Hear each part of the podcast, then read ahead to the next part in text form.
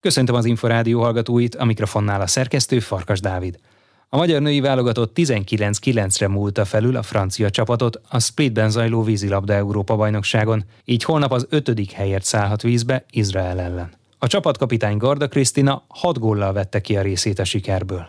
Faragó Tamás olimpiai világ és Európa bajnok, a nemzet sportolója az Inforádiónak arról is beszélt, hogy a fiatal játékosoknak sokat kell még fejlődniük. A női válogatott volt szövetségi kapitányát kérdeztük. Azt gondolom, hogy ez egy becsületbeli ügy volt, de hát valójában nem tűnt nehéznek ez a mérkőzés, mert az Európa bajnokságon a női mezőny ketté van szakadva, és az első öt és a többi között olyan óriási különbség van, hogy egyértelmű volt, hogy amennyire nem érkerülünk be az elődöntőbe, az ötödik hely megszerzése egészen biztos.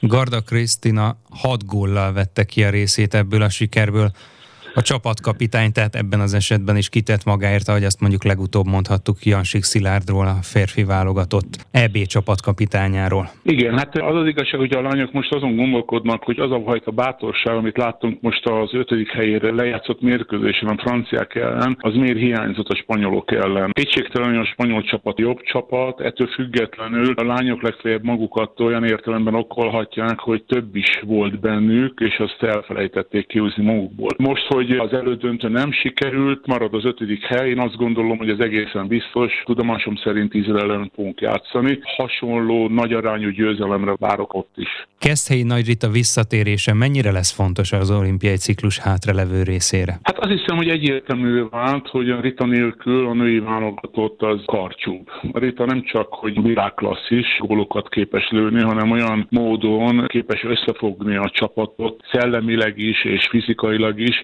amire óriási szükség van. Én remélem, hogy Rita minél hamarabb jelentkezik a válogatottban, és minél hamarabb kipjeni magát, és újult erővel tud készülni az olimpiára. A fiatalok mennyit épülhettek, illetve épülhetnek ezen a mostani Spliti kontinens bajnokságon? Fiatalok, miután szűk a merítési lehetőség, kétségtelen azok a tehetséges játékosok most bekerültek a válogatottba, még, még kell fejlődniük. Ahhoz, hogy főszereplők legyenek, ahhoz még utol kell érni saját magukat. Az biztos, hogy szerintem a magyar válogatott akkor tud tovább fejlődni, hogyha azokat a teljesítményeket ismét láthatjuk, akik képesek hozzátenni, nagy, nagy mértékben hozzátenni. Elsősorban a kapusposzton, utána a Kurizati, Szilágyi, Magyari Alda, én ezektől várom a legtöbb fejlődést, és hát miután ők kulcsjátékosok lettek, azt gondolom ők képesek arra, hogy tovább fejlődjenek. A magyar férfi válogatott ma este 6 órától már a fináléba kerülésért játszik a világbajnok spanyolokkal.